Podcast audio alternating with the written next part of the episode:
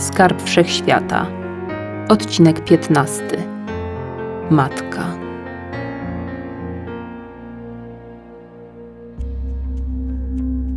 Diana Meron od 16 lat zmagała się z rolą matki. Kilka miesięcy temu stała się do tego matką najsłynniejszej dziewczyny świata. Córkę wychowała najlepiej, jak tylko umiała, w poczuciu odpowiedzialności za poziom mocy tego niezwykłego dziecka. Czuła, że Lina jest darem dla niej, ale także poważnym zadaniem. W dzisiejszej sytuacji nie wiedziała już, jak ocenić wykonanie przez siebie misji wprowadzenia jej do społeczeństwa. Lina miała być normalną istotą, wtopioną w tłum. Miała żyć swoim własnym życiem, ale jednak wedle powszechnie przyjętego modelu. Miała być przeciętna. To na pewno się nie udało. Rozdarta gdzieś pomiędzy człowieczeństwem a swoją właściwą naturą, podsycaną nieustannie przez Faith, Darle i Aika, dziewczyna z kosą została dziewczyną z kosą, buntowniczką, wojowniczką, choć tą ponoć się urodziła, i przywódcą rebeliantów z Ceterii. Jej matce przypadła rola dobrowolnej pomocnicy w słusznej sprawie. Oczywiście jako najbliższa krewna obiektu do likwidacji numer jeden dla władz T-77 także była poszukiwana. Wraz z Faith Darlą i Aikiem znalazła schronienie w piwnicy domu państwa Wagnerów w samej stolicy dystryktu, gdyż najciemniej z reguły bywa pod latarnią nieświadomości tych, co szukają. Wspaniałomyślne małżeństwo, zaangażowane sercem w rodzącą się rewolucję, odważyło się wesprzeć w potrzebie osobę zaangażowaną w te wydarzenia jak najbardziej czynnie. Sami narażali się przy tym na niebezpieczeństwo. Wykrycie tego przestępstwa mogło mieć dla staruszków tragiczny skutek. Za dnia Diana zmuszona była przebywać w ukryciu. Nocami, pomimo wprowadzenia przez władze godziny policyjnej, wymykała się z piwnicy, z bloku mieszkalnego N6, położonego w najbardziej nędznym rejonie niebieskim zachodniej dzielnicy i wyglądającego typowo dla takiego standardu życia, aby spotykać się z zaufanymi ludźmi, będącymi jej wtykami w wojsku. Czasami udawało im się słyszeć wszędobylskim uchem lub widzieć wszędobylskim okiem i dowiedzieć się czegoś o planach dowódców, o organizowanych manewrach i innych posunięciach wroga.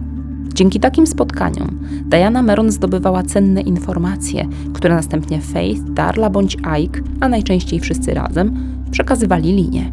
Zwierzęta odgrywały w tym całym zamieszaniu rolę pośredników i dostarczycieli broni, amunicji, jedzenia. W wypadach do Ceterii miały też swój własny interes. Bardzo niechętnie rozstawały się bowiem z Liną, ponieważ praktycznie tuż po jej narodzinach matka dziewczyny powierzyła im dozgonną misję opieki nad nią. Z jej wypełniania nie rezygnowały nigdy, uważając to za sprawę honoru. Miały więc niebagatelny wpływ na jej wychowanie, walcząc o to, by wśród ludzi pozostała przede wszystkim sobą, zamiast się do nich upodabniać. Jakie były tego efekty? Pięć dni temu pokazała ostatnia bitwa przy drodze do osady 30. Ktoś nas zdradził, to pewne. Tak brzmiały pierwsze słowa z ust Dajany, gdy wróciła nad ranem do swojej siedziby w piwnicy po kolejnym wypadzie. Ktoś wziął kasę i mimo wszystko wsypał. Koty podniosły się z materaca. Jeszcze przed chwilą drzemały w kącie pod brudną i zimną ścianą z malutkim okienkiem wpuszczającym trochę światła ulicznych lamp. Przeciągnęły się i powoli rozprostowały potężne i szerokie kończyny, zanim podeszły bliżej. Faith zerwała się ze swojego miejsca szybciej i podleciała kawałek, by wylądować przy nogach siedzącej na krześle kobiety. Stąd bitwa zamiast prostej akcji. Wysyczała gniewnie. Jak tak dalej pójdzie, to Lina nigdy się z tego nie wyplącze. Głupki. Dodał Ike. Chcieli ją do wojska, to teraz mają. Wojnę domową. Diana zarzuciła ręce za głowę i odchyliła się do tyłu, patrząc w sufit w milczeniu. Rozmyślała gdzieś głęboko w swojej świadomości, przez moment niewrażliwa na sygnały z zewnętrznego świata odbierane przez stępione zmysły. Niepodobna była do swej córki. Jej 43-letnią twarz, poprzecinaną zmarszczkami, symbolizującymi najnowsze zmartwienia tkwiące na dnie duszy, okalały lekkie kasztanowe loki. Nos nie był prosty, lecz łukowato wygięty na zewnątrz i tworzył mały garb, nie szpecący jednak całości. Oczy, ciemne i bez blasku, najczęściej były mocno podkrążone. Diana była też sporo niższa od Liny.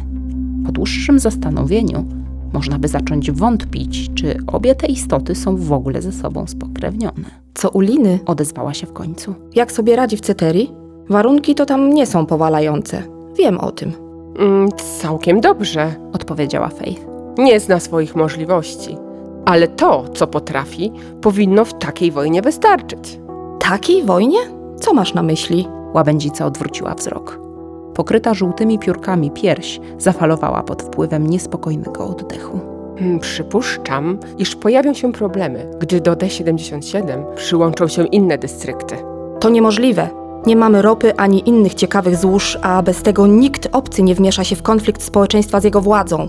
Reszta świata zawsze ma takie rzeczy głęboko w dupie. Sami musimy sobie poradzić. To twoja wina. Faith zignorowała ten wywód. Nie dałaś nam wytrenować jej na prawdziwą wojowniczkę. Darla podniosła łeb i spojrzała kobiecie w oczy. Przez ciebie nawet nie wie, jaką mocą mogłaby dysponować, zwłaszcza gdyby w pełni już obroni. Nigdy w życiu! Oburzyła się Diana. Wstała z krzesła i ciężkim krokiem podeszła do okna, za którym słońce wychylało nieśmiało promienie z za horyzontu, co wróżyło rychły wtorkowy świt 8 lipca.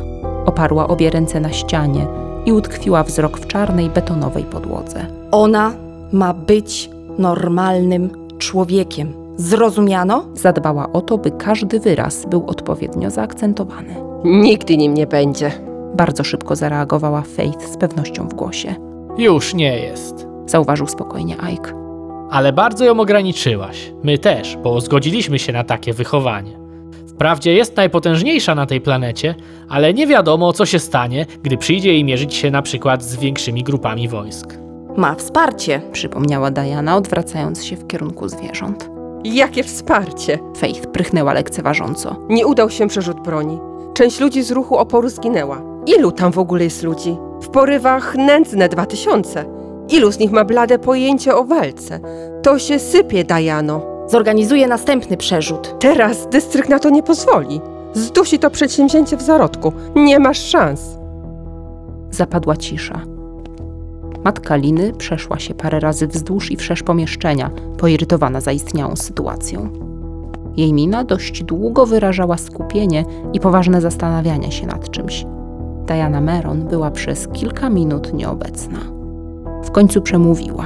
Kiedy Lina pojawiła się w moim życiu, nawet przez moment nie przypuszczałam, że to wszystko stanie się tak bardzo skomplikowane.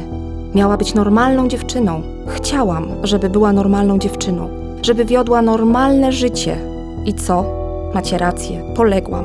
Moja córka zawisła gdzieś pomiędzy typową ludzką egzystencją a swoją naturą, której nie udało mi się oszukać. Pomyliłam się. Od zawsze powinna była być tylko sobą, nie taką, jaką ja chciałam ją widzieć. Po prostu sobą. Ale zrozumcie, boję się ujrzeć jej prawdziwe oblicze. Boję się, że nad nim nie zapanujemy. Wiesz, to nie twoje zmartwienie na ten czas. Chytrze uśmiechnęła się Faith. To ten dystrykt ma problem. Lina da sobie radę. Z przekonaniem powiedział Ike. Codziennie odkrywa nową część samej siebie.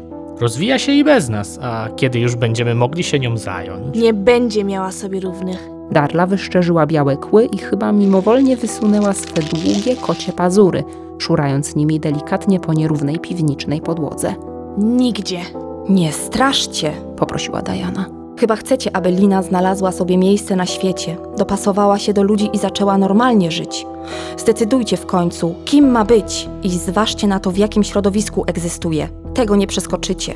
Zresztą ona sama się określi. Jest dorosła i inteligentna.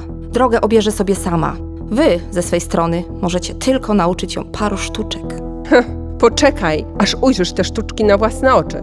Ale zanim Lina je pozna, musi przestać bawić się w wojnę, ponieważ jak na razie ciągle to robi. Muszę zapytać, są nowe informacje? Praktycznie nic nowego. Diana wyjęła z kieszeni drobny świstek papieru. Odbicie konwoju nie wyszło i moi informatorzy nabrali wody w usta. Jedyne, co się dowiedziałam, to to, że Konker zlecił stopniowe przeczesywanie terenu Ceterii. Zaczną od rejonu wschodniego. Buntownicy powinni zwrócić uwagę na zabezpieczenie wejść do podziemia po tamtej stronie i siedzieć jak myszy pod miotłą. Robi się coraz zimniej. Nie będzie im łatwo. Zrozumiałam. Dzisiaj w nocy polecę sama, wy mnie osłonicie. Faith zwróciła się do kotów. Weź kolację dla Liny. Poprosiła zatroskana matka. Wiem, że zdobyte jedzenie oddaje dzieciom, ale ona też potrzebuje energii. Więcej niż oni wszyscy razem wzięci. Sama nie dam rady tego udźwignąć. Łabędzica stanowczo pokręciła łebkiem, przeczuwając, jaki to będzie ogrom pokarmów. Nie miała ochoty się nadwyrężać, mimo że mięśnie miała jak ze stali. Dasz radę. Odżywiaj swoją podopieczną. Odżywiaj. I przekaż jej, że Ją kochasz, wiem. Tymczasem dopiero wschodziło słońce. Należało czekać na drogocenne ciemności, dar niezawodnej nocy, od zarania dziejów regularnie zmieniającej na warcie swojego brata dzień. Właśnie ciemności były sprzymierzeńcem, którego zdrady nigdy nie trzeba było się obawiać. Wierne, ciężkie, ogarniające za każdym razem pół ziemskiego globu. Tak potężne, iż zdolne, mimo milionów stosowanych na całym świecie lamp, do utworzenia takich zakamarków i ścieżek, którymi bezpiecznie przechodzić mogli ci, którzy pragnęli pozostać niezauważeni. Bo dla niektórych życie rozpoczynało się nocą.